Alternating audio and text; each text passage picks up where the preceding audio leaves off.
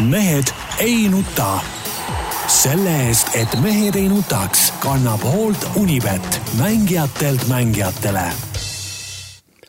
tere kõigile, kes meid kuulavad ja vaatavad ükstapuha mis vidinatest ja ükstapuha mis kellaajal. lõpuks saime oma juhtmed paika siin ja alustasime saadet küll natukene hilinedes, aga ikkagi Mehed ei nuta on endiselt eetris. Tarmo Paju Delfist. tervist Jaan Martinson Delfist, Eesti Päevalehest ja igalt poolt mujalt ja mul on suur au istuda sellel kohal, kus tavaliselt istub Peep.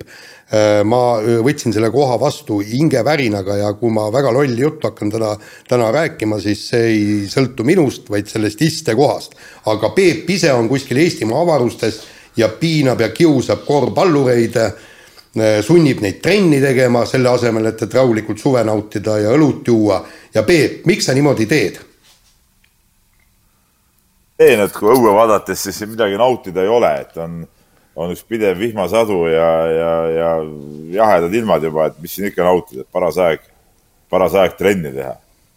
et, et aga no ühtlasi tahan, ütleme siin otse-eetris ikkagi nahutada meie Rubinniku vendi ka, kes ei suuda oma asju korralikult käima kunagi saada, et, et, et ma ei tea, noh, treenige natuke oma asju ka seal.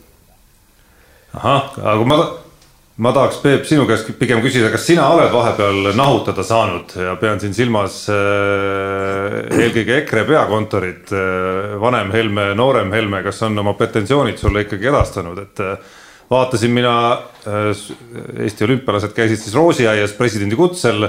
Peep teatavasti on siin ajaloos esinenud väga häälekalt meie presidendi vastu. Äh, no ütleme, ma ei hakanud üles otsima neid kohti ja neid sõnavõtte, mis sa minu suunas tegid, kui ma olen käinud presidendil külas paaril korral ja keda ma näen seal galeriides ja mis ma kuulen veel pärast, et te olite olnud veel esimesed mehed kohal põhimõtteliselt sellel üritusel, et nii suur kihk oli ikkagi ära käia, et kas sa oled oma nahutuse kätte saanud? partei peakontoris. ei, ma ei käinud äh, presidendil külas, ma käisin äh, EOK kutsel seal EOK presidendil külas no tundub üsna selgrootu käik ikkagi. ei, kuidas, kuidas selgrootu? oot, oot, oot, hallo, hallo. põhimõtted, Peep, või sul ei ole põhimõtteid? tähendab, seal oli, kutse tuli EOK presidendilt. loomulikult ma pidin minema, noh. ega midagi teha ei ole. no see, et päris president ka kutsus, noh, ega siis see oli nagu ühisvärk, noh, ei olnud, ei olnud valikuid, noh. aga kui president. ja no teine asi on see, teine asi on see muidugi, et ikkagi ütleme, tuleb käia aeg-ajalt ka, vaata ka Vene nendes sõjafilmides, ütleme, käisid äh, Nõukogude luurajad eesotsas Stirlitsiga käisid, ütleme, vaenlase peakorteris siis niimoodi süsteemi nagu õõnestamas. et äh, tuleb, tuleb ka tänapäeval vahest käia, ütleme, seal süsteemi õõnestamas ja, ja vaatamas, et, et kuidas seal asjad nagu välja näevad no mulle piltidelt ei tundunud, ei tundunud mingit, mingit luuretegevust ja, ja õõnestust ei tundunud, et nautisid seal suupisteid ja, ja olid väga õnnelik. ega see ei tohtigi tunduda, kui oleks tundunud, siis see oleks olnud ju nagu ütleme nagu läbikukkumine noh. aga tegelikult käis ikka kõva õnnestustöö noh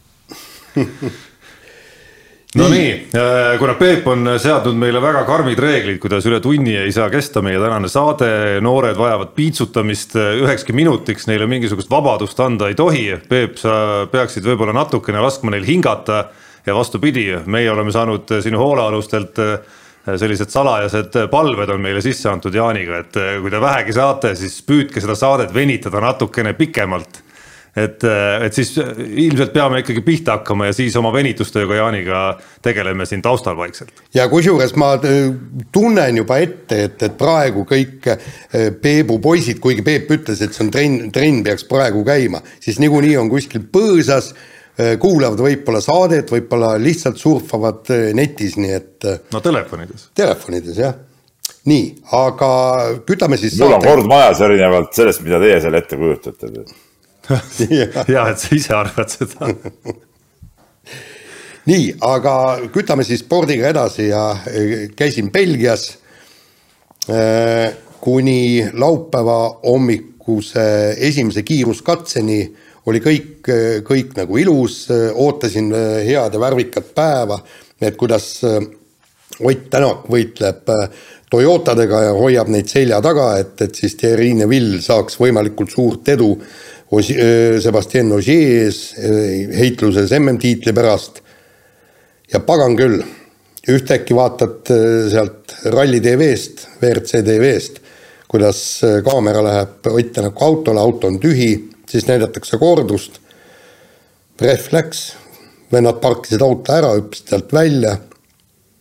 Läks rehvi vahetamine ja, ja põhimõtteliselt noh, tuju ja feeling ja kõik, kõik nagu kukkus kokku. et, et taaskord meie mehel juhtus ja noh, kuigi ülejäänud ralli oli täitsa, täitsa okei okay ja nauditav, aga, aga ikkagi noh, Ott Tänak ei oska ka enam öelda, et, et mikspärast temal just kõik need juhtub. Äh, rääkisin kaardilugeja Martin Järveojaga pärast rallit põgusalt paar sõna ja ta ütles, no et, et siin on ikkagi õnnel ka mingisugune osakaal. et näed, Sebastian Ogier, ka kaks rehvi purunemist aga üks on kaks kilomeetrit enne lõppu, vahetada midagi pole vaja, kaotust on kuus-seitse sekundit ainult ja teine oli siis juba, juba viimasel päeval, kui ka lühikesel kiiruskatsel, et, et noh, seal mitte mingeid probleeme ei ole, aga neil keset katset kümme kilti veel sõita, tuleb rähvi vahetada. ja, ja siis selgus, et tungraud on ka veel katki, et kokku võttis see kaks pool minutit. no aga Peep, ega ei olegi vist nagu väga palju midagi lisada, et me võime siin jube tarku küsimusi püsti panna sellest, et miks ikkagi Otil ja nii edasi ja nii edasi, aga lõppkokkuvõttes ei olegi ju vastust nendele küsimustele. no vastust äh, mulle tundub ka, et ei ole, et, et, et äh, noh, võib ju mõelda, et ma ei tea, äkki sõidustiil on selline, mis, mis näiteks nendele rehvidele mõjub kuidagi halvemini või, või, või mida iganes, aga noh, tegelikult ma olen nagu selles suhtes Martin Järveojaga nõus, et, et siin on nagu paljuski ka õnne ja ebaõnne küsimus ka, et, et et noh, lihtsalt, äh, lihtsalt on mingisugune ebaõnne periood, sest seda, et tegelikult äh, Ott ja Martin oleks pidanud olema Belgias kiired, seda nad tõestasid ju väga ilmekalt ka esimesel kiiruskatsel, kus nad ikkagi paugutasid ikka väga võimsalt. okei okay,, pärast seal tekkisid juba mingid probleemid, hakkasid äh, need kiirus hakkas langema ja siis lõpuks see refi, refi asi veel ka sinna otsa et, et äh, jah, et seal ikkagi on mingi, mingi ebaõnne faktor on praegu, mingi karma, karma on nagu peal, ütleme nii. ja, ja no põhimõtteliselt äh, Järveojaga siin rääkisime ka ja ta ütles, kõige rohkem kahju on nendest kahest, kahest rallist, kus, kus lihtsalt auto tagavedrustus ära lagunes. Äh, ja see oli vist Portugal ja Sardiinia ehk. jah just, ja, ja siis ta Portugal, ütles. Sardiinia mõlemad jah ja.. just, ja siis, siis ta ütles, et noh, et, et see oli kaks kindlat esikohta võeti ära. ja praktiliselt no null punkti, eks, no okei okay,, seal punktikatse äh,, punktid. et või, võeti põhimõtteliselt vendadelt viiskümmend punkti ära, paneme nüüd viiskümmend punkti juurde ja, ja, ja, ja see, see. teistelt vähemaks ka natuke. no just teistelt vähemaks ja oleks suures mängus ja, ja ja, ja Ott Tänak ütles ka, et, et noh, et lõpuks harjud juba selle jama ja ebaõnnega ära ja, ja ta ütles, noh küsisin, et noh, et mis siis on eesmärk järgnevatel rallidel, noh nagu ikka, et, et võita neist võimalikult palju, ta ütles, et jutt ei ole enam ei võitmisest ega kohast ega mitte midagi. ma tahaksin sõita kas või ühe ralli üle pika aja, nii et ei oleks mingeid probleeme. aga kuidas teile see osa tundus, et äh, oleks ta oma nagu selle ülesandega, mis tal laupäeva hommikuse seisuga ees oli, hoida Toyotat selja taga eeldusel, et mootor ei oleks jumpsinud rohkem ja, ja mingeid muid probleeme sisse ei tule, suuremaid probleeme, oleks ta selle ülesandega hakkama saanud? ikka oleks, kindlasti oleks. see, siin ei oleks kahtlustki olnud, et ta, ta oli piisavalt kiire, ta oli piisavalt kiire. ma ütlen ja..., see esimene kiiruskatse näitas juba ära selle ju noh. no viimane ka. esimene kiiruskatse näitas ära ta kiiruse. no et punktikatse ka lõpus muidugi. punktikatse ka lõpus jah, et seda muidugi. jah, aga, aga no vot siin ongi, et, et ta, ta ikkagi selle autoga väga kodus ei ole ja väga mugavalt ennast selles ei tunne, et mille pärast kiiru, kiirus ära kadus teisel kiiruskatsel. ühes kurvis sõitsid pikaks, eks, ja, ja tekkis ohtlik moment ja, ja, ja, ja see võttiski, selle pealt ta võttiski hoo maha, et, et, et mitte bambusse põrutada ja, ja lihtsalt sõita, sõita täpselt nii, nagu noh, tunne lubab aga, aga kui oleks vaja, küll ta siis oleks gaasi vajutanud, nagu vajutas punktikatsel. noh, kuidas teile tundub, äh, kas selle ralli suurim pettumus võis olla Elfin Evans? et, et, et tegelikult ju olid tal nagu kaardid laual selleks, et, et teha mingisugune nagu Neville'i sarnane vahe vähendamine Sebastian Ogier'ga, aga, aga mit, mitte lihtsalt ei ei kasvanud, ei lasknud ta vahel kasvada, vaid, vaid lõpuks veel viimasel päeval mees mehe vastu võitluses sai Kalle Rovanperalt ka ikkagi nagu selgelt üks-null ära. no me rääkisime Soome ajakirjanikega seal ja, ja tõdesime, et, et Kalle Rovanpera on sõidumees ja Elfin Evans ei ole. kellel oli vaja kõige rohkem seda kolmandat kohta? selge see, et Evansil. iga ralli eel, ma, ma vaatasin nüüd eelmised korrad ka läbi ja kirjutasin siis rallieelses artiklis ka see, et iga ralli eel ta ütleb, et nüüd on vaja sõitma hakata selleks, et äh, üritada MM-tiitlit endale saada ja täpselt sedasama ütles ka selle ralli eel.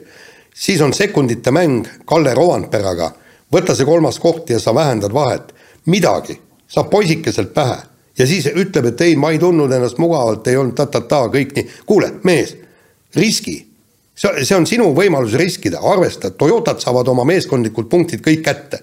siin ei ole mingit probleemi, riski ja proovi see kolmas koht ära tuua, ei midagi.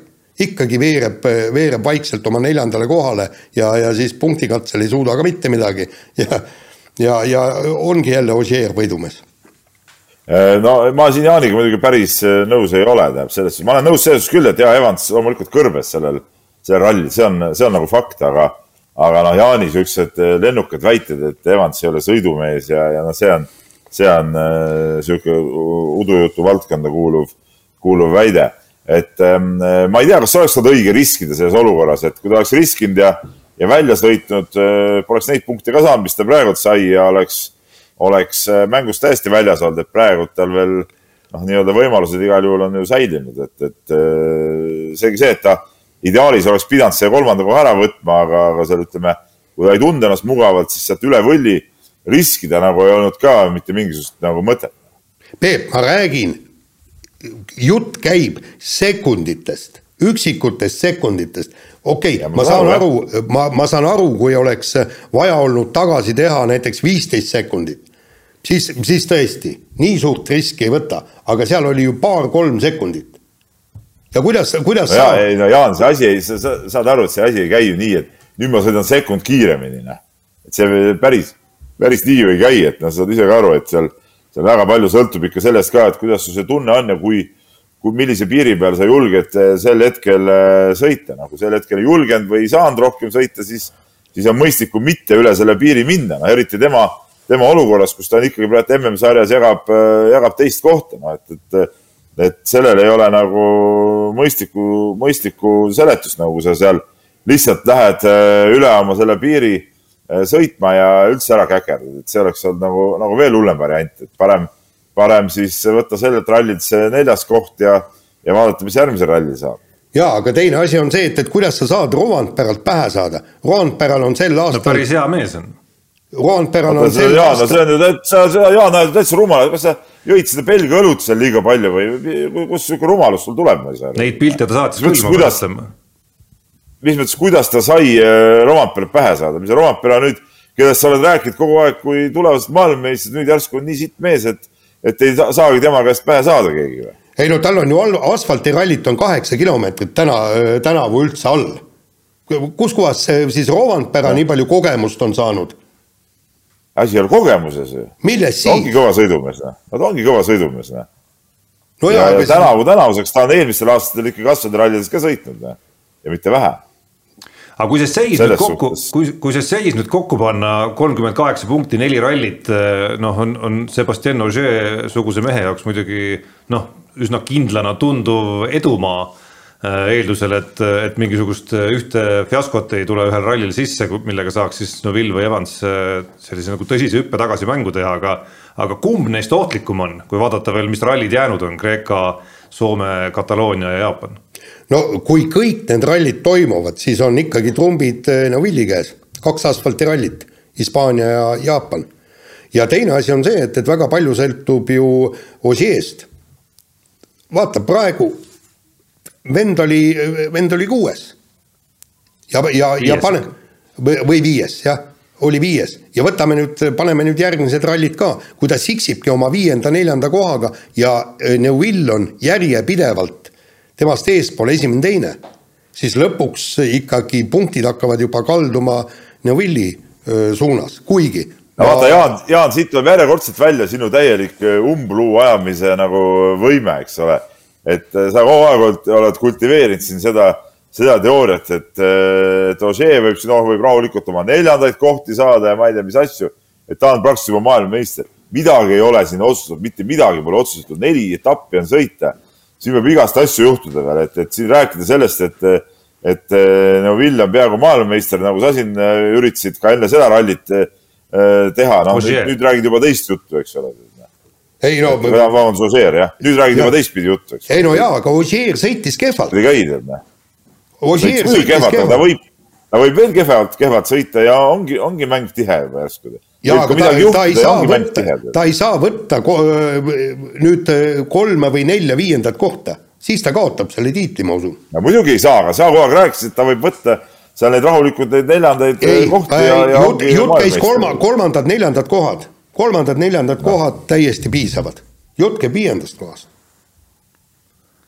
nii, aga, aga siia vahele veel või siia teema lõppu ma küsin teilt rallimeestelt nii palju, et äh, Craig Breen, no Kalle Roman pärast oli juttu juba, aga, aga Craig Breen, mees teeb ikka nagu noh, ma ei saa öelda imet, aga aga see, et, et uueks hooajaks tundub, et töökoht on olemas, on nagu ikkagi rallirajal väga hästi ära näidatud, miks?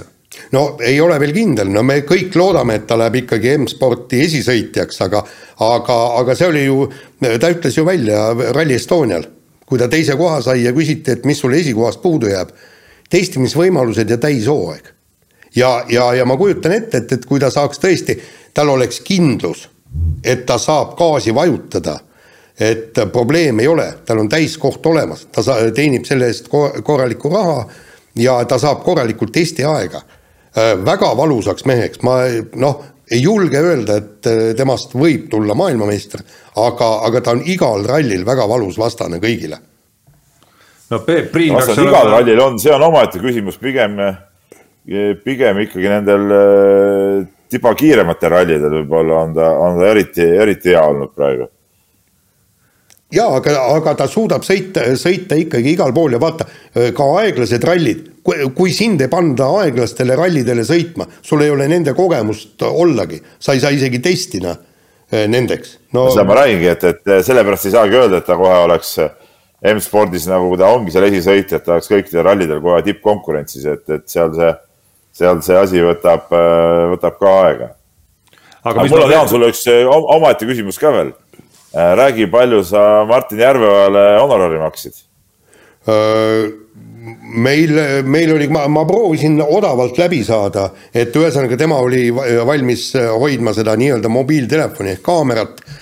Äh, ja, ja siis ja ütles, et, et see intervjuu kestis paar-kolm minutit ja ütles, et pärast seda tal isegi käed natukene olid väsinud ja ja siis Tänak selle peale irvitas, et, et noh, et et, et kui Martin ei oleks kaamerat hoidnud, siis ilmselt nii pikka intervjuud ei, ei oleks tulnud ja, ja siis eh, selge see, et, et, et kaameramehele tuleb töö eest maksta, proovisin odavalt läbi saada, ütlesin, ma teen sulle õlle välja, selgus, õlut ta ei joo, nii et siis kokkulepe oli punane vein talle selle kaameratöö eest.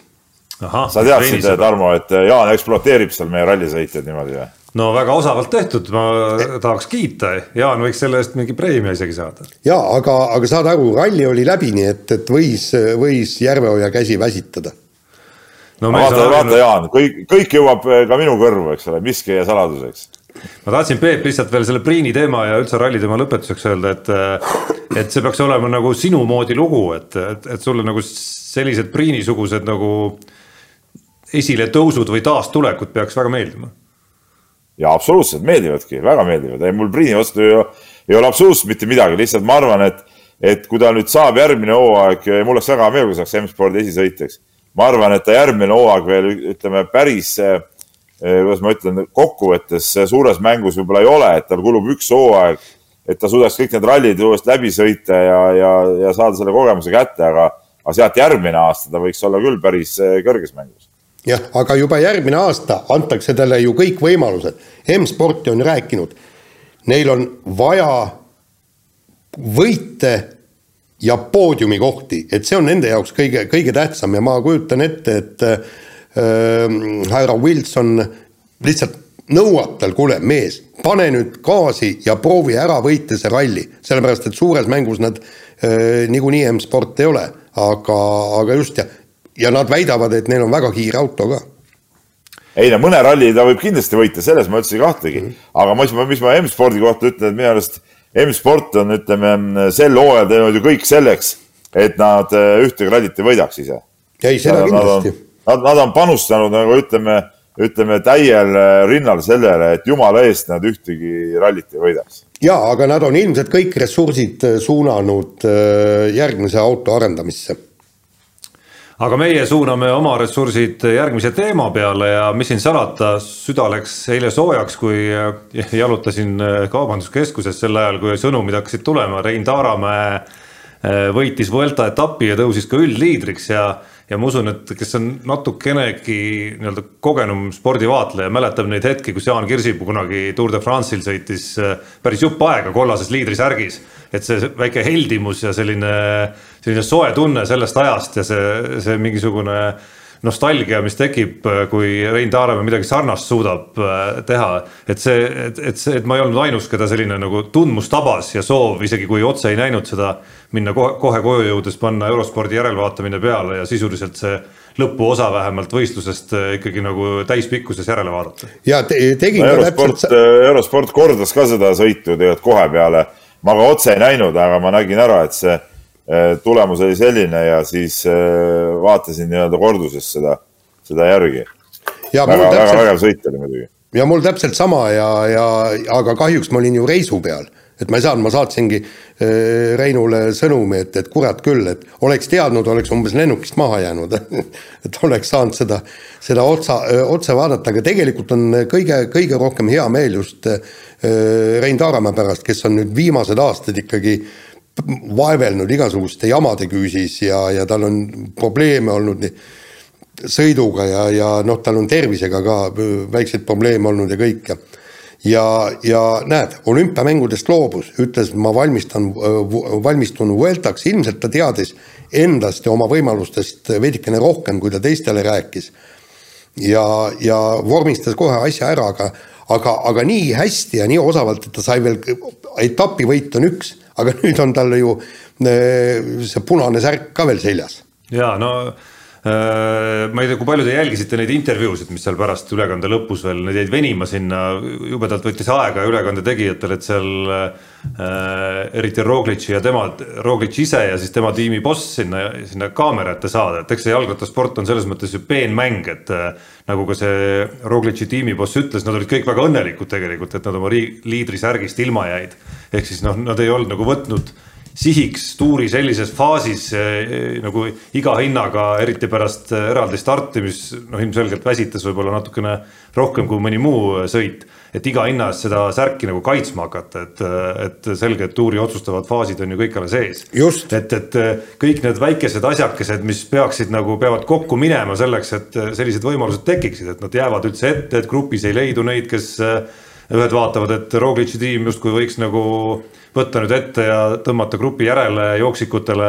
Äh, kuna nende huvi ei olnud ikkagi lõpuks väga suur, siis jäigi see grupp kätte saamata, noh ja pluss siis see, see nii-öelda vormistuse küsimus, mis, kus paistis tegelikult juba ju noh, päris jupp aega, et, et tundub, et ta on kõige kõvem nendest kolmest, kes sinna ette jäid, et teised, teised mehed ikkagi taarusid seal grimass oli näos ja, ja meie mees suht rahuliku olekuga no need grimassid jalgrattasõidus ei tähenda midagi, neid tehakse teinekord ka meelega ja ohitakse ja häitakse ja näidatakse, et on jube raske.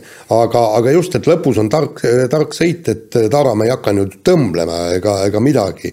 et ta ootas, kuni teised vennad lihtsalt ära väsivad ja siis uhkes üksinduses võttis selle viimase kilomeetri.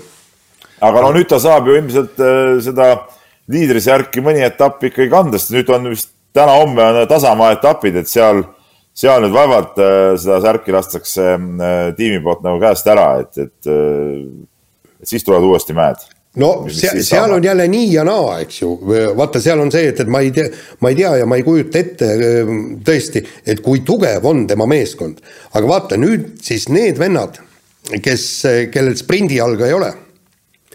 aga kes tahaksid ka nagu et, etappi võitu nemad või saavad ju organiseerida nüüd selle nii-öelda äramineku. ja kogu sellelt peagrupilt kõik vaatavad ju Taaramäe tiimi otsa, palun, tehke tööd. kes on ilmselgelt noh, kogu austuse juures üks nõrgemaid tiime seal. no absoluutselt jah, ja, ja, ja selle peale ma arvan, et, et teatud vennad mängivadki. nii et põnevaks läheb nii, aga ei, müts maha selles mõttes, et jube ägedalt on Rein Taaramäe suutnud nagu leida need oma kõikidest terviseprobleemidest ja, ja, ja asjadest, mis tal karjääri jooksul on olnud, leida need hetked ikkagi, kus napsata ära kord Vueltal, kord Girol ja tal oli ju kevadel tegelikult Girol oli, oli sama asi ju tänavagi lähedal juba. just ja, ja, ja, ja see asi on ju ka, et, et kui, kui ta kunagi endale sauna teeb nii-öelda trofeeruumi, siis noh ikkagi. nüüd sai päris ägeda särgi. päris ägeda särgid, tal on siin mitme velotuuri äh, Mägede kuninga särgid olnud ja siis äh, Tour de France'i valge parima noore särk on olemas, eks. ja, ja aga, aga nüüd on siis see kõige uhkem, uhkem särk, peaaegu kõige uhkem aga vahetame teemat. vahetame teemat ja rääkige nüüd, mis toimub korvpallis ja meie esiklubiga BC Kalev Cramoga, et meeskond on koos, aga no öelge, kas algviisikus üldse eestlased äh, platsile saavad? ma võivad julgeks, saada küll. julgeks arvata, et saab ikkagi, Kristjan Kitsing võiks siiski ja. olla algviisiku mees. vaadates seda koosseisu ka, aga noh, lõpuks sõltub ju mängudest ja lõpuks sõltub Stelmaersi taktikast ja nii edasi, et ma arvan, et on kindlasti mänge, kus ka Martin Torvek võiks näiteks algkoosseisus olla mingi väga selge ülesandega aga noh, me Tarmoga siin äh, eelmine nädal, äh, kui ma olin toimetuses, korra natuke vaidlesime sel teemal või või mis vaidlesime või noh, pigem nagu arutasime, meil jäi natuke erinevad võib-olla vaated sellele, et, et mina ütlen nii, et sellisel kujul Kalev Cramo noh, mulle nagu erilist äh, huvi ei, ei paku ikkagi, kui seal ei ole ikkagi siukseid mehi, Eesti mehi, kes oleksid seal vedajate hulgas, siukseid atraktiivseid äh, mängumehi. noh, kui sul on algvisikus üks eestlane, no mis ma peaks siukse võistkonna poolt nagu näiteks olema, et ma ma nagu ei tunne nagu, minu jaoks palju huvitavam on see, mis toimub teistes Eesti klubides, kui, kui ma peaks sellele äh, Kalev Cramole ilmselt kaasa elama, ma tahaks ikkagi näha, et, et seal teevad tegusid ikkagi Eesti mehed ka, et, et selge see, et legionärid peavad olema ja ilma nendeta ei saa, et, et teatud positsioonid, aga kui seal on, äh, ütleme, äh, seitsmest-kaheksast olulisemast mängijast kuus on välismaalased, noh, seda nagu ilmselgelt liiga palju nagu. Jah, aga noh, teisest küljest see ei ole nüüd ka nii ebatavaline, et ka, ka meie kõigi suures lemmikus Kaunases Žalgirises leedukate noh, rollid, ütleme hooajast hooaega on päris erinevad, et vahepeal oli tõesti luksus Marius Grigonise sugust meest seal omada nagu päris tähtsas rollis, aga on ka olnud hooaegu, kus, kus nii tähtsas võib-olla ei ole me näinud ikkagi seal, et. Äh, ei no seal on ikkagi olnud olnud äh, siuksed kolm, kolm-neli leedulast on ikkagi põhirotatsioonis kogu aeg sees olnud ja mänginud enam ikkagi ka siukseid äh, kahekümne minuti ligi minuteid, et praegult Kalevis on päris raske näha, et, et nii palju neid vendi oleks, oleks seal ütleme, selles põhirotatsioonis sees. Noh. aga jah, selles mõttes, et ega meil väga suurt vaidlust Peebuga sel teemal ei, ei tule ikkagi, et, et seda, et seal oleks vaja kedagi, kes nagu oleks noh, publiku jaoks siis eelkõige natukenegi veel rohkem tõmbenumber, et noh, väga raske on üldse leida kedagi, kes ütleks, et ei, et te eksite, et see ei ole üldse, üldse kuidagimoodi tähtis, et noh, esimene ideaal oleks loomulikult, et mõni nendest äh, uue põlvkonna tegijatest, kes on tekitanud Eesti korvpalli ümber sellist uut furoori ja, ja möllu ja müra ja kes on aidanud siin koondist äh, Euroopa meistrivõistluste finaalturniiril, et mõni nendest äh, a la Kristjan Kullamäe või, või Henri Trelli mastimees või, või, või Kaspar Treier kasvõi, et, et mõni selline mees teeks oma praeguses karjäärifaasis juba Kalevis mõne hooaja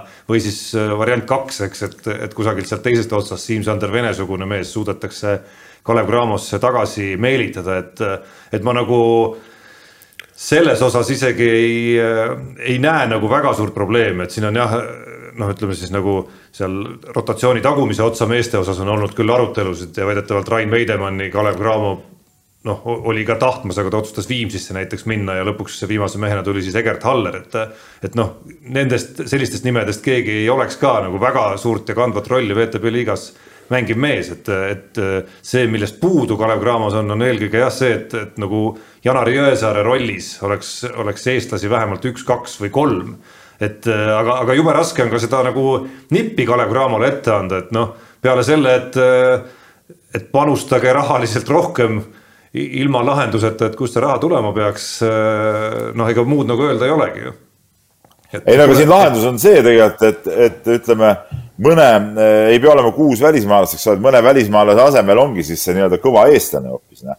et ma ei tea, kas need, noh, okei okay,, Siim-Sander Vene on kindlasti kõrge hinnaklassiga mängija, aga, aga kas need teised eestlased on hinnaklassilt kõrgemad mängijad kui, kui ütleme, need ameeriklased, kes toodi, noh, seda, seda ma ei usu, et küsimus ilmselt ka ikkagi selles nagu tasemes, et kes, kes mis rolli välja, välja kannab siin no,. aga me... põhimõtteliselt ega nipp, nipp ongi selles, et ikkagi, ikkagi äh, veenda ja vajadusel ka maksta, eks ole, aga noh, kui ei ole millegagi maksta, siis ei ole millegagi maksta, see on.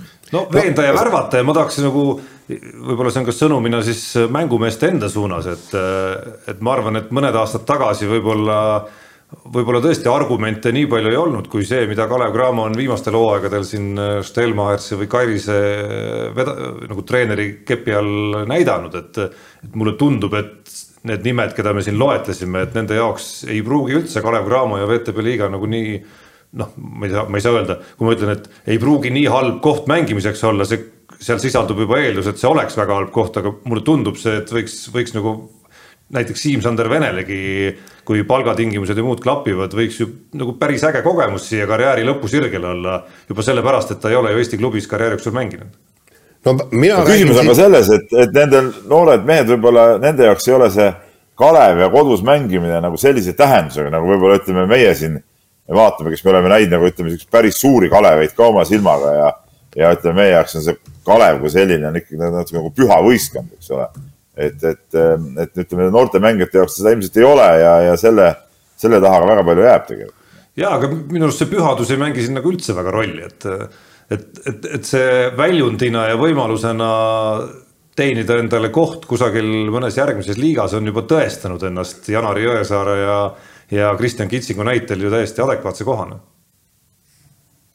aga vahetame teemat. oota, oota, ma ütlen, ma ütleks ka siin veel, te siin puhusite nii pikalt, et ühesõnaga mina ju mäletan ja mina räägingi kogu oma mantrat isegi siis, kui omal ajal seitsmekümnendatel, kaheksakümnendatel Kalev oli täiesti omadega põhjas, siis neil oli ikkagi säravad mängijad, eks Heino Enden, kes tuli noh, siis Randalat käidi vaatamas, kes, kes pani neid kol-, tol ajal ju kolmeseid ei olnud, eks, et eh, kes, kes pani viskekontserte, eh, Tiit Sokku, kõik, kõik neid noori mängumehi ja publik tuli neid vaatama.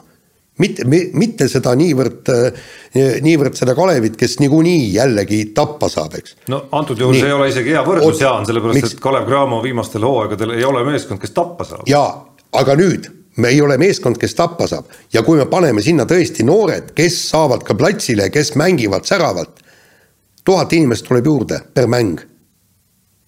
palju see rahaliselt väl, väljendub, palju on pilet? jaa, ei, see kindlasti aitab kaasa, no Just. piletid on vist kümme ja viisteist eurot VTB liiga mängud no,, kui ma õigesti mäletan. ja, ja tuhat inimest tuleb, viisteist tuhat per mäng teenid, kas sellest ei jätkuks siis sellele Eesti mängijale palgaks või? noh, kindlasti see arvutus päris nii lihtsasti ei käi, no, kohe lihtsalt... tuhat on nagu laksti juures, aga, aga mingi iva loomulikult on, on ju ka selles sees. absoluutselt nii, aga nüüd äh, selle esimese saateosa lõpetuseks veel äh, markeerime ära päris äh, valus värk, aga, aga ka päris põnev värk oli see, mismoodi FC Flora jalgpallimeeskond kaotas Euroopa liiga eelringis eelmisel nädalal penaltiseeria järel Küprose meistrile Nicosia Omonia, sai seda mängu otse täitsa vaatama jäädud ja ja ei mäletagi Eesti klubi esituses sellist nagu haaravat jalgpalliõhtut. just, oli, oli äge mäng ja, ja lõpuks ajas ikka karvad nii turri, ma ei mäleta, kes see viimane penaltilööja on, lööb täpselt just sinna, kuhu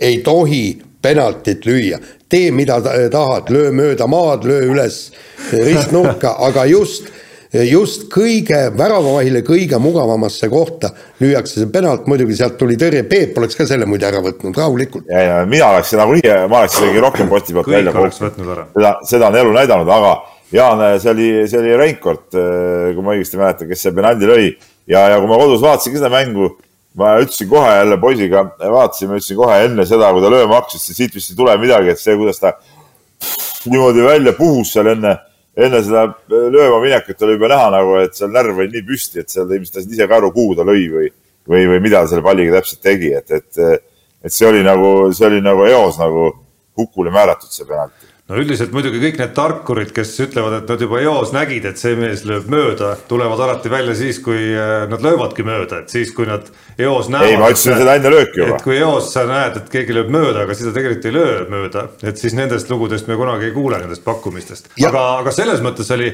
ma hingamise suhtes ma muidugi nüüd suurt järeldust ei tee, et hingamise kordasaamine võiks olla nagu keskendumise üks nagu põhialuseid, mis aitab natukene nagu rahuneda.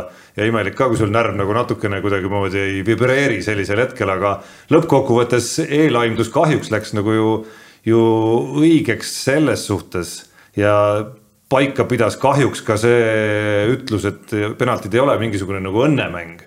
Et, et kui vaadata ühele ja teisele poole, siis esiteks vastased olid jõhkralt kogenumad, ehk siis kõik mehed, kes seal lööma tulid, olid ikkagi päris kõvade kogemustega mehed. ja, ja meie, ja meie, meie poole peal äh, päris mitu kogenud meest olid väljas, eks. just, seda ma tahangi öelda. Vassiljev ja Märten Kuusk ja kahe värava mees Rauno Sappinen ka veel, eks. et ja lõpuks siis noored mehed olid need, kes eksisid, et, et para-, paraku see nagu niimoodi läks.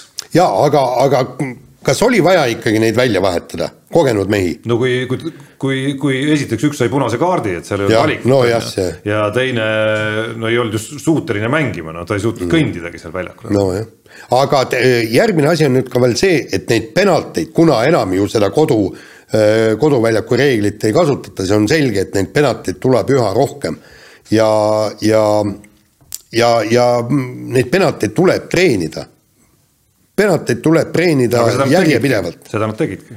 jaa, see on üks kord, aga see peab järjepidevalt terve aasta ringi, see ei ole niimoodi, et teed ühes-kahes trennis lööd penalteid ja asi käpas. nii see asi ei käi. huvitav, Peep, et kas sa ei ole mõelnud äh, Keila korvpalliklubi juurde ka Jaani ikkagi nagu nõustajaks võtta, et ta ta et, nagu teab äh, täpselt. räägib, mida peaks tegema ja kuidas, jah ja ei, absoluutselt noh. ei, ei, kas ma, kas ma räägin midagi valesti? ei, absoluutselt mitte, sellepärast ma soovitangi sind. Tarmo, Tarmo, mul piisab sellest, et ma Jaani eh, oma pea, pea kolmkümmend aastat juba varsti tunnen ja, ja neid tema targutusi ma olen nii palju elus kuulnud, et kui ta veel, veel kuskil mu läheduses nagu oleks, siis see, see oleks nagu, ületaks nagu selle viimase piisa ka seal karikas, et, et, et parem mitte no ma vastupidi ütlen, et see, just see oleks see, mis viib teid üle nuki ja aitab meistriliigasse ülejärgmiseks hooajaks. aga Aha, nüüd laseme okay., nüüd laseme kõlli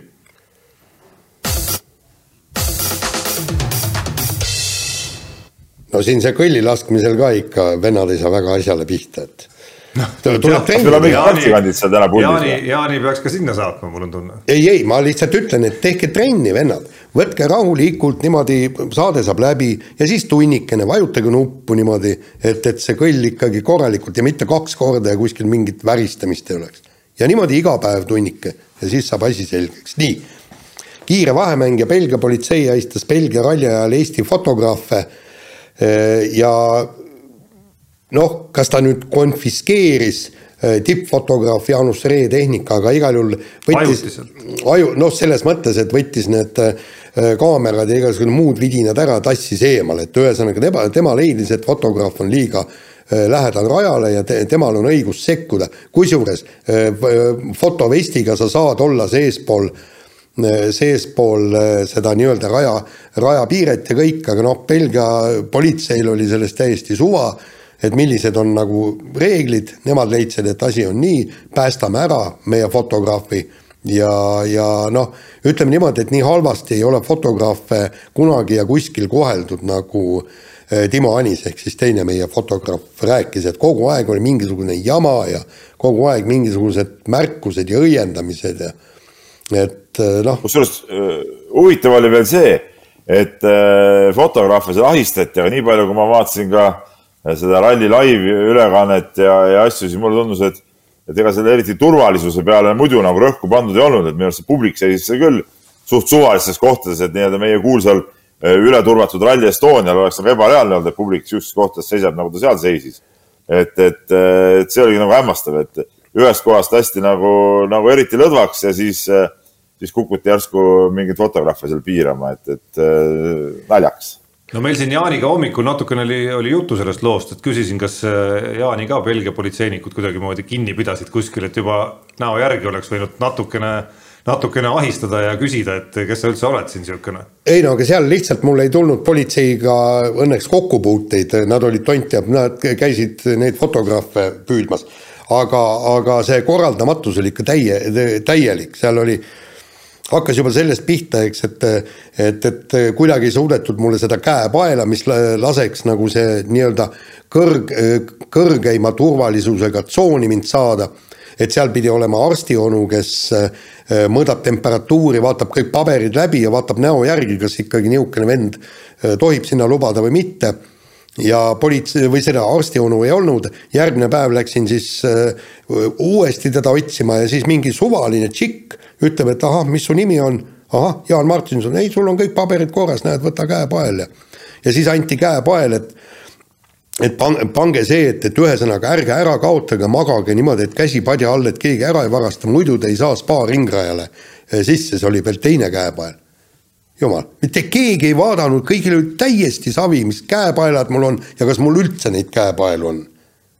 et ühesõnaga, see oli noh, noh, oli, mis oli. no häda ikka. häda ja viletsus. küll oli Jaapanis raske ja nüüd Belgias ka. aga, aga mis ma tahan öelda, mis ma tahan öelda, mis on Belgias ikka täiesti hull on äh, ikkagi need äh, keskmise kiiruse alad.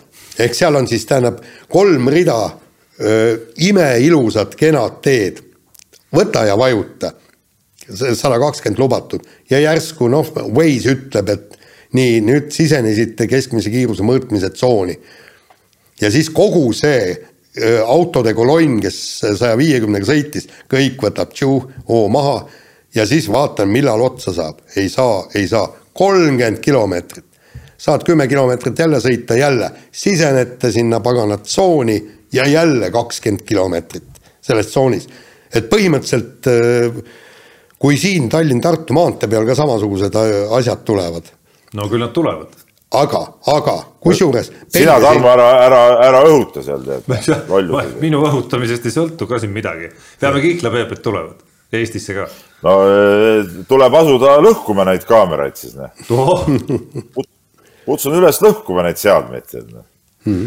ei, aga, aga, aga isegi sel, et, et seal Belgias, Belgia näitas ikkagi ära, et et kui vajalikud oleks meil need kiired maanteed, et seal ikkagi no sinna spaasse sõitsin eh, sada viiskümmend seitse kilomeetrit ja näitab, näitab mul eh, sõiduajaks üks tund ja kakskümmend minutit. Ei no mis siin salata, käisin, mis ta nüüd oli, ülemöödunud nädalal Lõuna-Eestis, et, et juba, juba tänu sellele viimati valminud uuele lõigule, kus vahepeal on sada kakskümmend, noh, juba tajutav võit on ikkagi toimunud no,. mis tähendab, et tegelikult see, et saab saja neljakümnega sõita?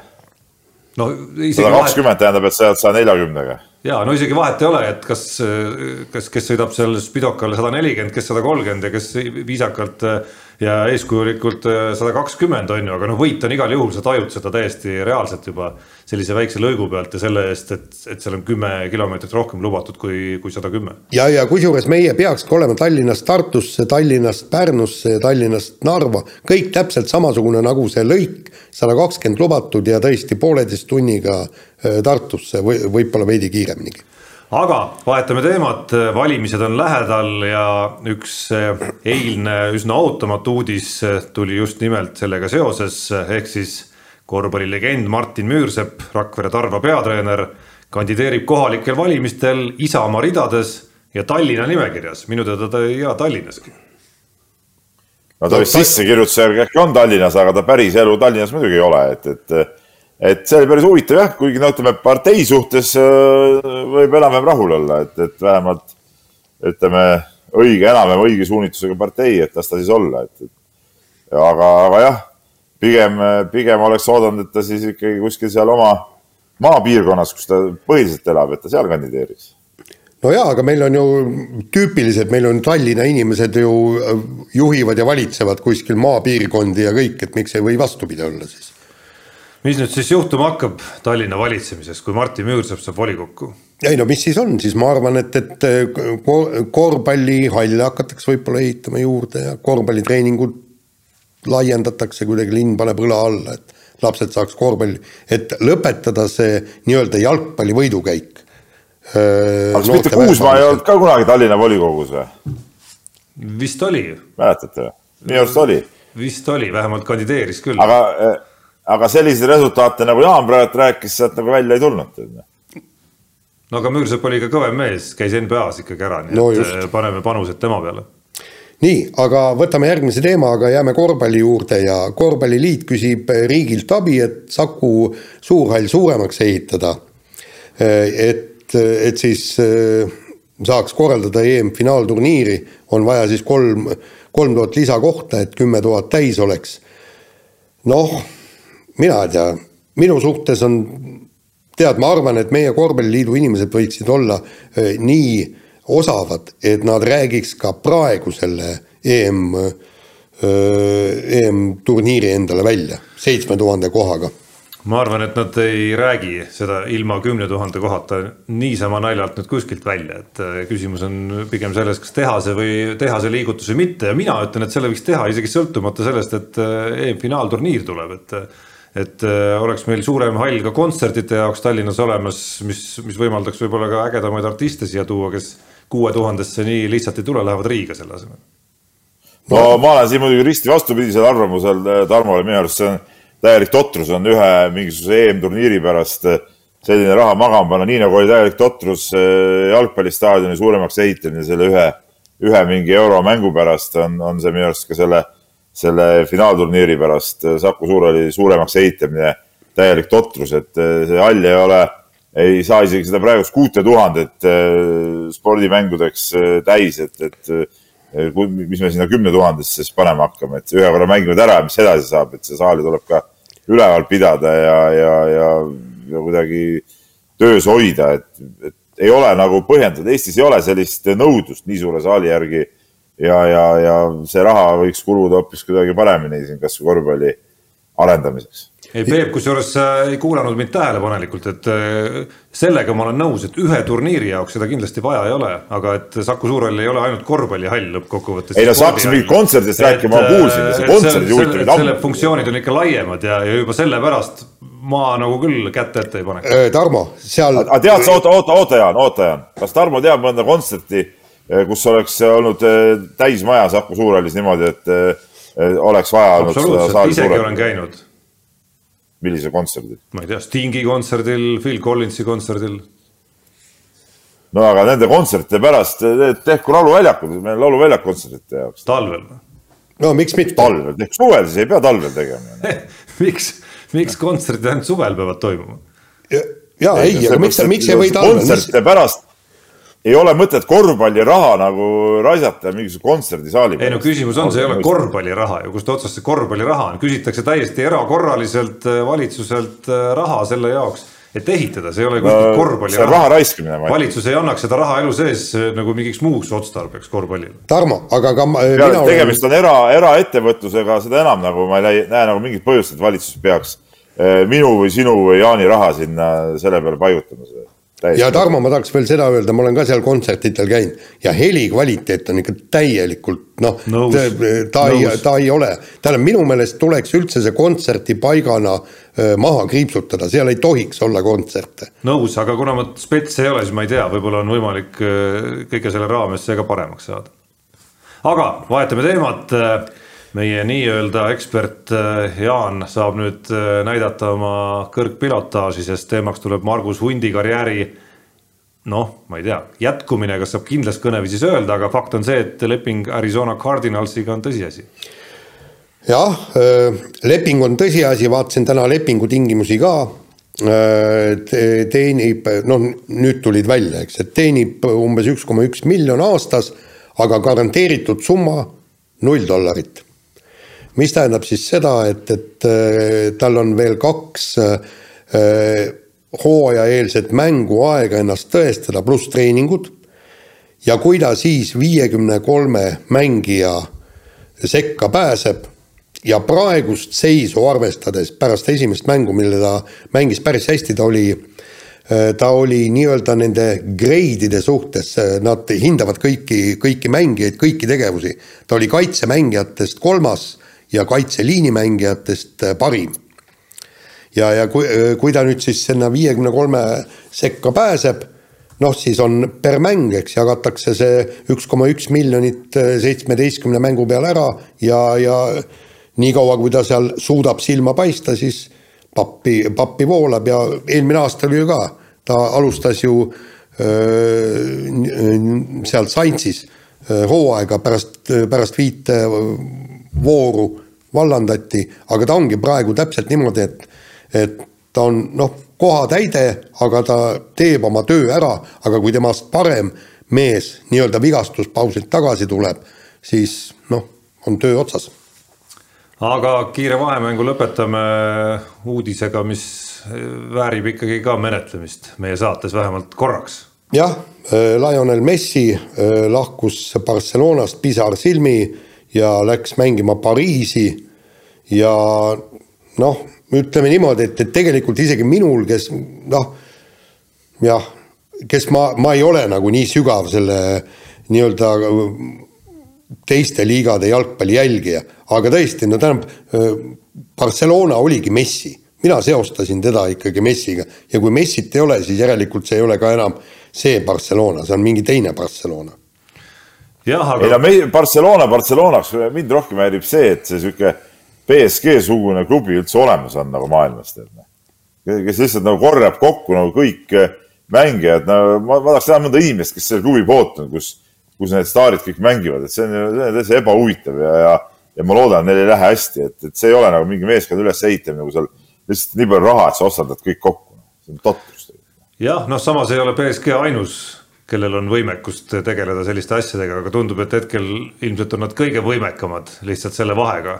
Aga, aga noh, kokkuvõttes kogu see saaga näitab ju seda totrust, kuhu maailma tippjalgpall oma rahakulutuste, asjade, kahjumitega opereerimise ja kõigega on nagu läinud, et, et kuidagi raske on äh, nagu asjaosalistele kaasa tunda, et see asi on nagu käest läinud lihtsalt seal. ja no pangu siis palgapiirangud, pangu palgapiirangud ülemaailmsed et sa, sa tohid mängijatele maksta palka kõik, kõik kokku, vot täpselt nii palju. ja, ja mitte mingisugust NBA moodi vingerdamist, kui maksad rohkem, siis maksad trahvi, ta-ta-ta, kõik, nagu Ameerika jalgpallis. vot see on piir ja kõik. No justkui selle piiri pärast Messi pidigi nagu ära minema, eks aga tundub, et BSG-l ei, ei ole mingit piiri. ei, ei, seal ongi, vot seal ongi probleem see, et, et seal on äh,, Hispaanial on omad reeglid, Prantsusmaal omad, pluss siis Euroopa jalgpallil on veel omad, eks. kui palju sa tohid siis äh,, tähendab, sa ei tohi nagu üle jõu elada.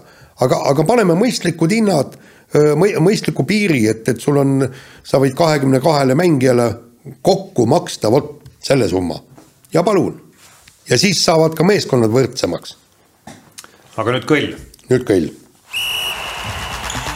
Unibetis saab tasuta vaadata aastas enam kui viiekümne tuhande mängu otseülekannet. seda isegi mobiilis ja tahvelarvutis. Unibet, mängijatelt mängijatele. Nonii, äh, saan aru, et Peep on võitnud kõvasti. Vähemalt selliseid žeste tegi ta ekraani vahendusel ei, seda ma tegin niisama, et näidata, ma olen olemas. et ei, eh, ma ei ole midagi võitnud. Eh, ma olen natuke kaotanud, aga see oli niisugune sümboolne, sümboolne kaotus, et see väga palju ei, ei muutnud mu seisu, aga, aga mingit võitu ka ei ole tulnud. no Jaan. no põhimõtteliselt jäin võidust ilma. rallile panustasid ma räägin, jäin võidust ilma ja see ääretult totralt. kes see süüdi oli nüüd? ise olin muidugi no, süüdi. sina olid süüdi või? absoluutselt. Mitte see, kes iganes kaotas? ei, ei ei, seal oli, seal oli nii, et ma kavatsesin panna suure summa, oot-oot-oot, suure summa, et Neuvill jõuab esi, esikolmikusse, eks. no see koefitsient ei saanud väga kõrge olla. ei, aga ma oleks. üks koma kolm ma pakun.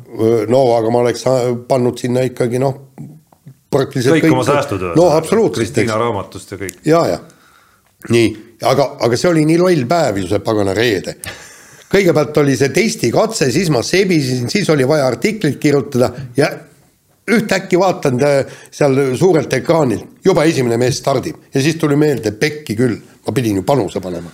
no pretensioonid, süüdi on Peep, siis ma saan aru, kes ei lase Jaanil tegeleda ikkagi asjadega, mis on tegelikult olulised ja sunnib Jaani tööd tegema.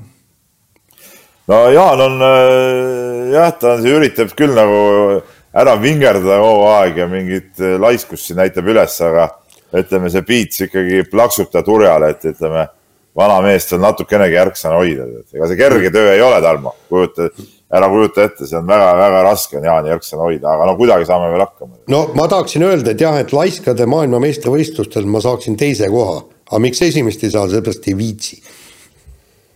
nii, no ma ütlen siis, et vähemalt äh, natukene sai saldot, keegi suutis ka kasvatada tänu Valgevene korvpallikoondisele, kes, kes ikka jumal. nagu üllatavalt ägedat mängu mängis, ma ei tea, teil ilmselt ei olnud au seda vaadata, aga Riias toimusid äh, siis äh, maailmameistrivõistluste valikturniiri nagu eelringi mängud, kus Läti, Valgevene ja Rumeenia võitsid Rumeeniat võitsid Jah. kaks korda Rumeeniat ja tegelikult me korra, korra ja tegelikult isegi teist korda ka üllatavalt kõvasti ajasid ka lätlastele vastu, et.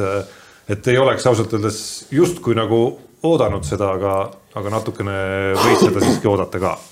nii. Ma, mänge ei näinud, aga ma jälgisin neid äh, skoore ja, ja protokolle, et noh, tähtis see, et Läti saaks nagu edasi.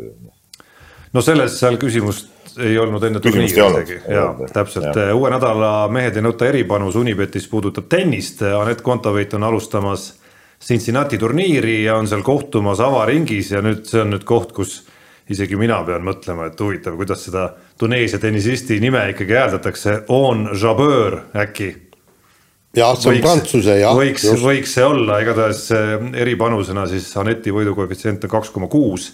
nii et äh, võite tormata, aga nüüd läheme kirjade ja Anetil on ju uus, on ju uus treener äh, teadupärast. Väidetavalt või, on. treener, no väidetavalt või treeneri hakatis, eks ole, et, et Nastšelavek, nagu ma aru saan, eks ole, et. ai, seal nüüd piits hakkab tulema. seal piits seal, plaksub. no täpselt ma mõtlengi seda, et, et, et, et kuidas, kuidas see kooslus võiks nagu töötada, et, et äh, Vene treenerid üldjuhul ikkagi on suhteliselt äh, konkreetsed, et seal, seal nagu väga palju siukest äh, löterdamist äh, läbi ei lasta tegelikult. ja, ja kui kehvasti mängid, siis ikka tuleb ikkagi korralik niisugune kolmetäheline pistolei ja kolmetäheline sõim, et tead.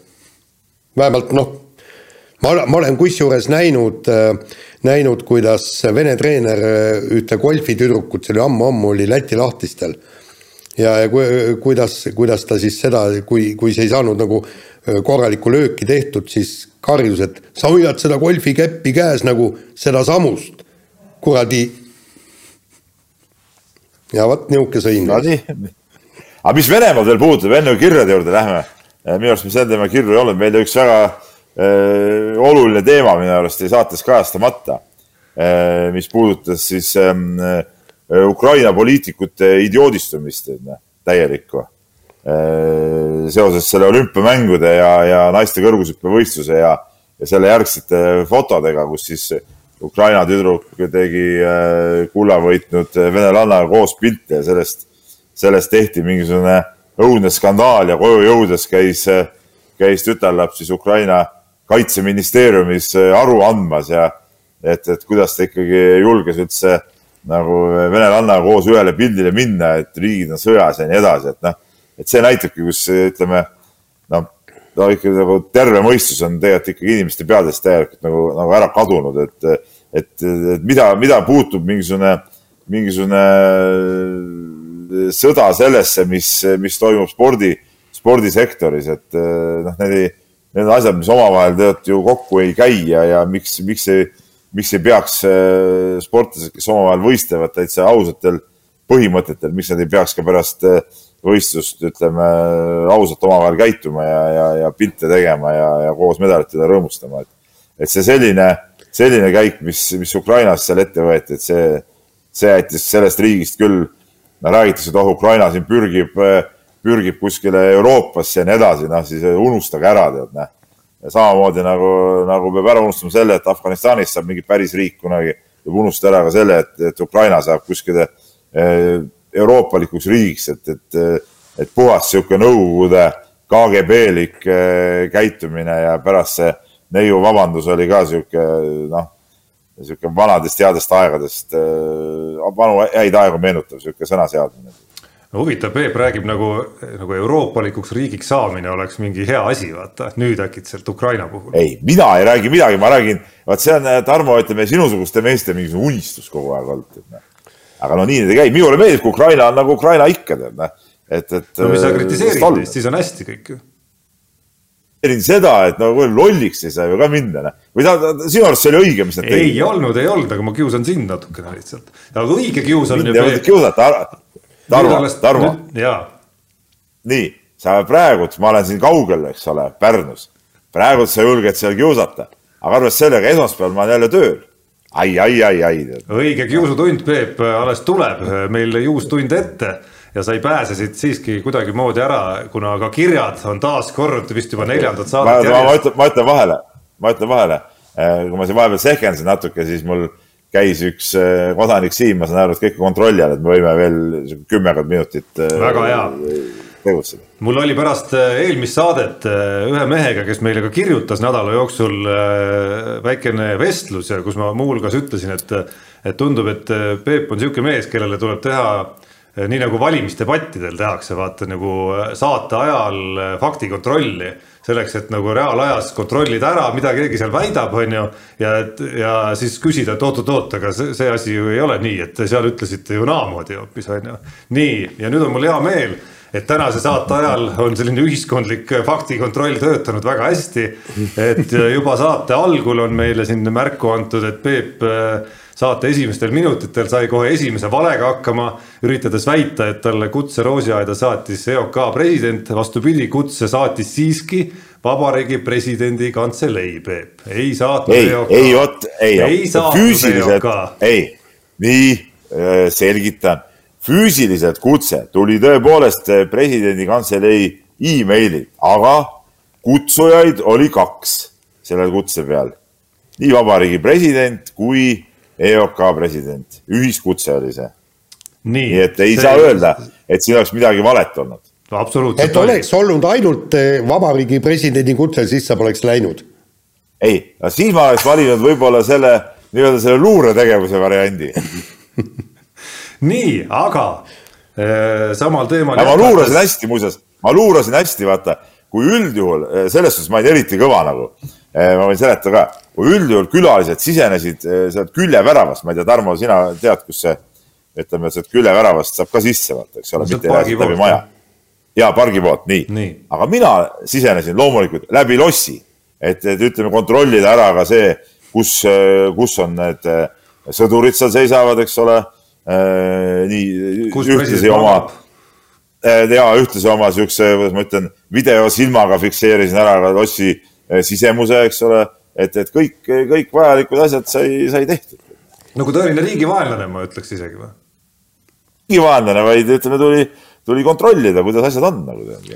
nii, aga eh, me ei pääse, Peep, sinu eh, personaalküsimusest kuidagimoodi ära. Marti on kirjutanud meile ja soovib juhtida tähelepanu, kuigi see tema sõnul, nagu ta kirjutab, ei ole mingi uus asi Peebu ülimale tuuleliplusele, et jutt sealt, kus tuul puhub parasjagu või siis juhul, kui ta ise sellest aru ei saa, äkki, äkki midagi ta peaks oma raviarstiga jagama, igatahes küsimus siis, et ühes ja samas saates Peep ei suuda ära otsustada, kas õige mees on ainult see, kes läheb staadionile ja teleülekanne pole üldse oluline või siiski peaks olema hea kvaliteediga ja kõigile kättesaadav teleülekanne. kui õiged mehed ainult kohapeal vaatamas käivad, siis peaks Peep olema õnnelik et näiteks jalgpalliülekanded topitakse kuskile Viaplay'sse ja äppidesse nurga taha ära, sest siis pole õigel spordifännil muud võimalust mängu näha, kui staadionile tulla. oleks hea, kui Peep saates kõigi ees võtaks konkreetse seisukoha ja vabandaks tekkinud segaduse pärast. ei, siin ei ole midagi vabandada, seisukoht on selge. õige mees on see, kes käib staadionil vaatamas, see on nagu selge, nii, aga alati on teatud agad. näiteks kui ütleme, onu Ants Eh, vanus seitsekümmend üheksa, elab näiteks kuskil Alutagusel näiteks. Sealt ei ole võimalik tal tulla eh, näiteks Tallinnasse mängu vaatama. ei ole transporti, kallis, piletid on kallid. vot siis, vot siis see onu Ants näiteks peab saama võimaluse eh, vaadata seda mängu rahvustelevisioonist ilma reklaamideta hea kvaliteediga, hea analüüsiga ja nii edasi ja nii edasi. et noh, ainult, ainult rumal inimene ilmselt siis see kirjasaatja nagu kuulub ka siiski mingis mõttes nendesse kategooriatesse, ei saa sellest eh, mõttekäigust aru no.. selge, no vaatame, vaatame, kas Martit see vastus rahuldab, aga nüüd eh, läheme teise Marti kirja juurde. see Marti küll on kahe T-ga, mitte ühega. Ja küsimus puudutab äh, Ott Tänakut. Mehed, saade on endiselt sama kõva nagu kümme aastat tagasi ja üle pika aja minult küsimus, mis tunne on intervjueerida Ott Tänakut? ta tundub praegustest WRC sõitjatest kõige jutumärgid, douchebagilikum sõitja, keda intervjueerida. kui te sellest väljendist aru ei saanud, siis võin seletada, aga küllap te teate no,. täielik vastand kunagisele Jari-Matti Latvalale, kirjutab Martti. no ütleme niimoodi, et mis mõttes intervjueerida, vaata spordiajakirjanik esitab küsimused, sportlane annab vastused, pärast mida spordiajakirjanik eh, kirjutab nende vastuste põhjal kokku loo ja kusjuures ega vastuseid ei olegi tegelikult vaja. Nikolai Novosjolov. vahel nad segavad isegi. ja ei, on, on ka neid olnud, ei, ei, ongi, muide üks juhus on olnud, see oli Ateena olümpial, kui Janek Tombak äh, äh, pettunult, et sõit läks tal pekki, ta tahtis medalit võita, viskas jalgratta nurka, marssis meediatsoonis kõigist mööda istus autosse, vaatab ainult otse ja siis Anu Säärits tuleb küljeaknale koputama, Janek, Janek, paar sõna oma, no sellega ja siis lihtsalt näidati talle põhimõtteliselt keskmist näppu seal.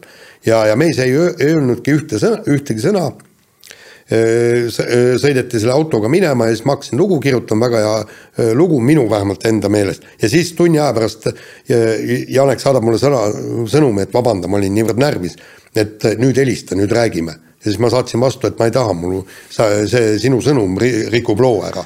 nii, tagasi küsimuse juurde. nii, et, et no aga, aga meie ei saa ju sportlast muuta ja, ja tegelikult noh, Ott Tänak aeg-ajalt annab ka päris, päris okeilt vastuseid ja tegelikult on Ott Tänakuga paaril korral õnnestunud ka rääkida eh, eetriväliselt. Eh, ja kui ta, kui ta valgustab nii ühte kui teist, mida, millest ei saa küll kahjuks kirjutada, eks et ja see ongi, see ongi põhjus, miks ta, miks ta alati noh, kõik lähevad ju küsima, küsima tema käest, et no et kuidas sa, mida sa muutsid autoseadistuses.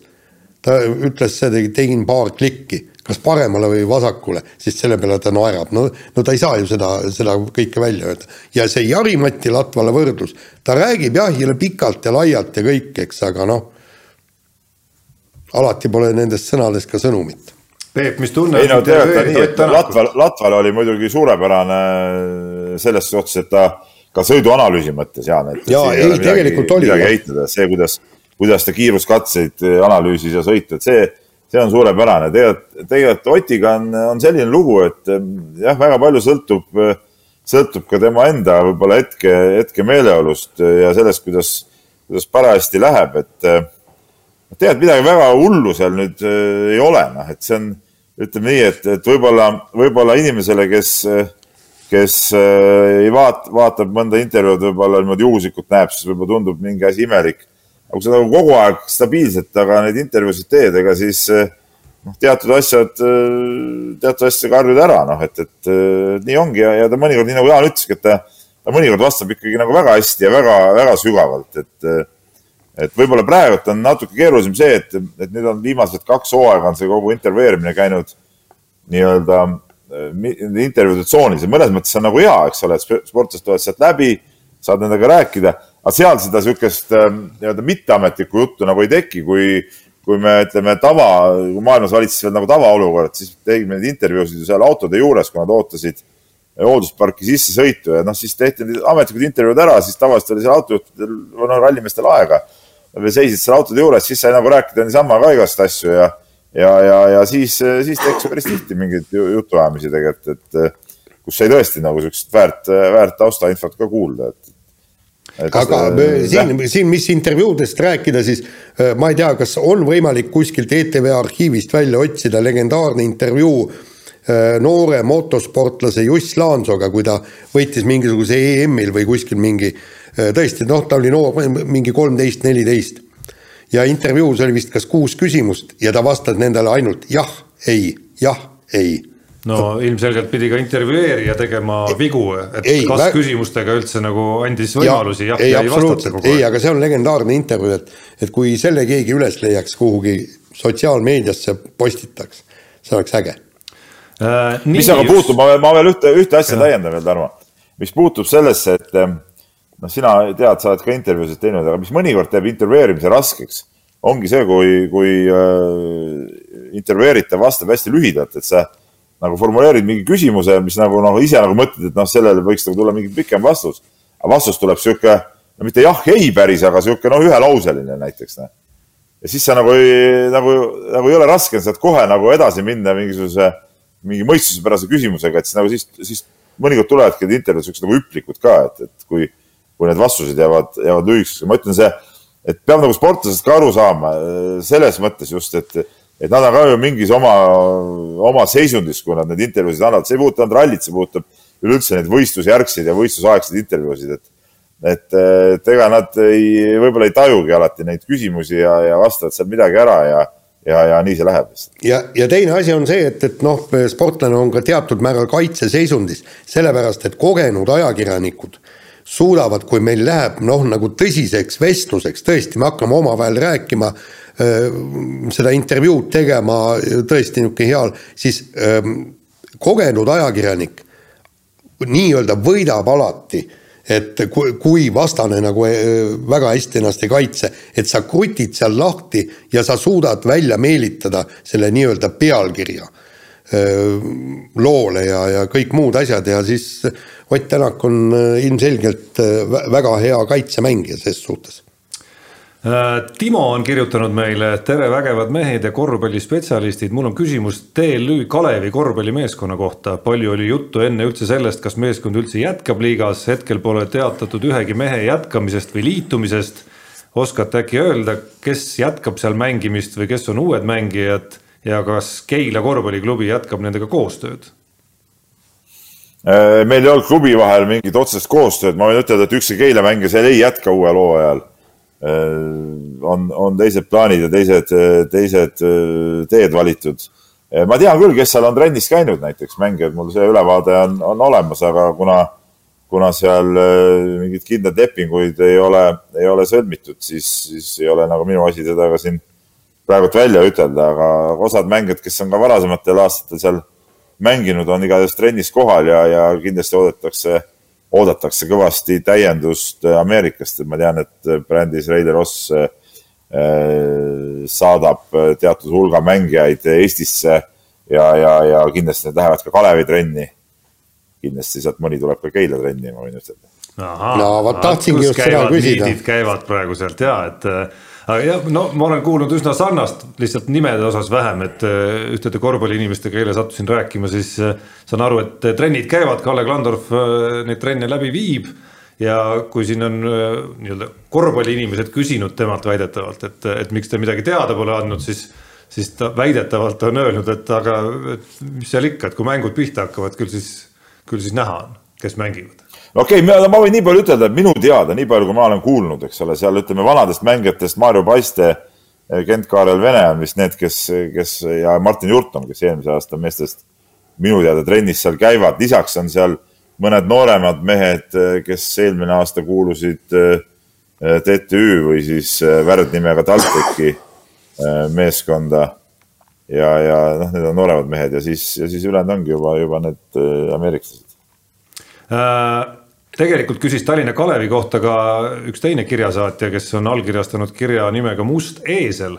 aga ta on kirjutanud äh, ja küsinud meilt kaks korvpalliteemalist küsimust veel, üks puudutab äh, no tegelikult väga sarnased küsimused. Äh, kas Leedu korvpall on sattunud mõõnaperioodi ja mis on juhtunud Hispaania koondise järelkasvuga? kaks suurt korvpallimaad Euroopas, kus, kus mõlemal tundub natukene, et, et alt võib-olla nii ägedalt peale ei tule mängumehi, kui, kui siin võib-olla eelmised põlvkonnad ees on.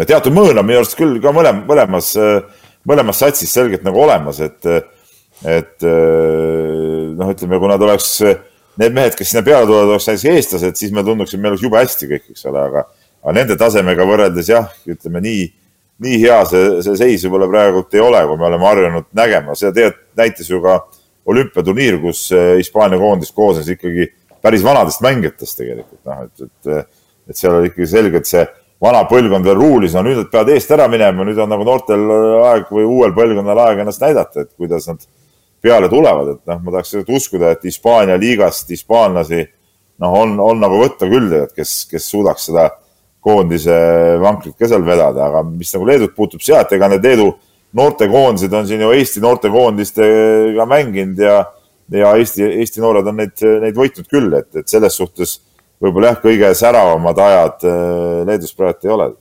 Noh, ega neid, mis Hispaaniatki puudutab, ütleme klubi tasemel ei ole, ei, ei takista keegi nendel noortel juba praegu esile tõusmast ja, ja säramast ja ennast koondisse murdmast, et et eks see on olnud üsna haruldane periood kõigepealt, mis nagu on selja taha jäämas nüüd Navarrode ja Gasolide ja, ja kogu selle põlvkonna lahkumisega, et, et ega Hispaania ei ole ju nagu nonstop kõik need aastakümned kogu aeg nii kõva olnud tegelikult, et mäletame, et isegi mängisime üheksakümne kolmandal aastal ju nendega, nendega mitte päris medali peale Euroopa meistrivõistlustel, eks. et, et see on mõnes kas me mängid mitte seal EM-i pääsme peale või seal olid Venemaa ja nemad vist olid nagu mängus, kui ma õieti mäletan. et, et nad ei ole kogu aeg olnudki nii kõvad, et see on üsna pretsedenditu aeg ka nende vaates olnud see, mis on olnud siin võib-olla viimased eh, kümme aastat ja isegi rohkem tegelikult eh, sinna juurde veel. ei no kas... kunagi nad olid ikka muidugi väga kõvad, ma ise mäletan, mul oli ikka sihuke mees nagu Anne Epifania oli, oli üks lemmikmängijaid kunagi, hispaanlane, et noh, see oli ikkagi jäi ka ma pakun välja kaheksakümnendate, üheksakümnendate aastate paiku kuskil ja siin olid ka ikka suht tugevad, aga võib-olla mitte nii tugevad, jah. no kuna Peebul trennis on asjad kontrolli all, siis ma luban endale ikkagi paar kirja veel võtta ja üks neist. aga teeme hästi kiiresti, sest nüüd läheb küll nagu asi kriitiliseks. üks neist on Kokapoisilt, kes jäi juhuslikult maastikuratta EM-i jälgima ja tohoh, meie enda neiu sõidab. kas jälgin liiga vähe uudiseid või milles asi, aga polnud kuulnud või näinud, et see üritus üldse toimub, et Jaanika oli väga tubli ja ja, ja kõik, kõik, kõik see nägi väga äge välja no eks see, ütleme niimoodi, et, et pärast äh, olümpiat on parajad äh, segadused, äh, segadused olnud siin nii spordiajakirjanikel kui ka alaliitudel, et, et kuidagi ei suudeta meid teavitada ja me ei jõua ka ju vaadata absoluutselt kõiki alasid ja vaadata, mis ja kus võistlused toimuvad, nii et noh, see on nii ja naa küsimus. tegelikult oleks võinud ette teatada küll, aga Jaanika Lõivuga meil ikkagi äh, lood tulevad. ja lisaküsimus on, kas Tarmo Paju pole mõelnud Ironmani läbida, ütlen ausalt, ei ole. ega loodan ja loodan, et seda mõtet ka ei tule pähe et. Äh, no pehme mees, midagi pole pehme mees ja no räägib mees, kes on tuntud Ironmanide läbija loomulikult seal teisel pool ekraani. no kuule, ma olen sõitnud vähemalt äh, saja kaheksakümne gildis Tartu rattasõitu ja olnud seal esisajas, ma tuletan sulle meelde. ja no ma tunnistan ausalt, ma ei näe seda varianti, kust, kust ma võtan selle aja nagu sellises mahus trenni teha, küll aga pean ütlema, et eelmisel talvel käis läbi vist esimest korda mõte, et äkki ikkagi hoolimata sellest, et see klassikalises sõidustiilis on võtta see Tartu maraton suuskadel ette, nii et mine sa tea, mis, mis juhtuda no, võib siin. no tee ära, siis saad meheks. tulevikus juhtuda saad võib. saad saad meie seltskonnas väärikalt istuda, praegu nagu oledki sihuke natuke. no see on ainus asi, see teie jutt on ainus asi, mis nagu äh, hoiab kinni, et mitte minna sinna sõitma, nii et. aga teadlane Priidik saab siis viimase küsimuse au, äh, meie üks legendaarsemaid kirjasaatjaid, äh, kes jätkab siis vaidlust nende nii-öelda uute ja vanade spordialade üle, õigemini ei jätka, aga, aga arendab siit ühe küsimuse edasi äh, lihtsalt fantaseerigem, kui olümpiamängude edasikestmise tingimuseks oleks ühe staadioni ala kärpimine kergejõustikus siis. Ja valiku tegemine langeks saatejuhtidele, siis eh, millise ala selles sundseisus ohverdaksite, kas näiteks viie tuhande meetri jooks? no ta ütleb absoluutselt ära selle ainsa ala, mida tegelikult võikski ohverdada, no seal ei ole noh, kaheksat sadat ei tahaks ära anda, tuhat viitsadat, no väljakualadest ei tahaks no üks variant on üks variant on veel kakssada meetrit ka tegelikult. mis nagu sisetingimustes ongi ära kadunud seoses selle kurvi ebavõrdsusega sisetingimustes, eks ole. et noh, sada, kakssada ja siis nelisada, noh. no ütleme, kui, kui peaks tõesti jõuga minema äh, kuskile kallale, siis ütleme jah, need kaks varianti ongi viis tuhat ja kakssada, ütleme. väljakualasid ma ei näe küll ühtegi, mida saaks ära võtta, kuna seal sarnased alad nagu ju tegelikult äh, oma olemuselt nagu puuduvad, et, et et see saab olla ainult, ainult mõni jooksuala siis jah. nii, aga tõmbame joone alla. tõmbame joone alla, sellega on saade läbi, järgmises saates loodetavasti on Peep ka meil siin kohal ja siis nädala pärast oleme meie eetris ja teie vaadake meid siis, millal tahate ja siis ja sellest vidinast, millest tahate. või kuulake. või kuulake. mehed ei nuta saate tõi sinuni Unibet, mängijatelt mängijatele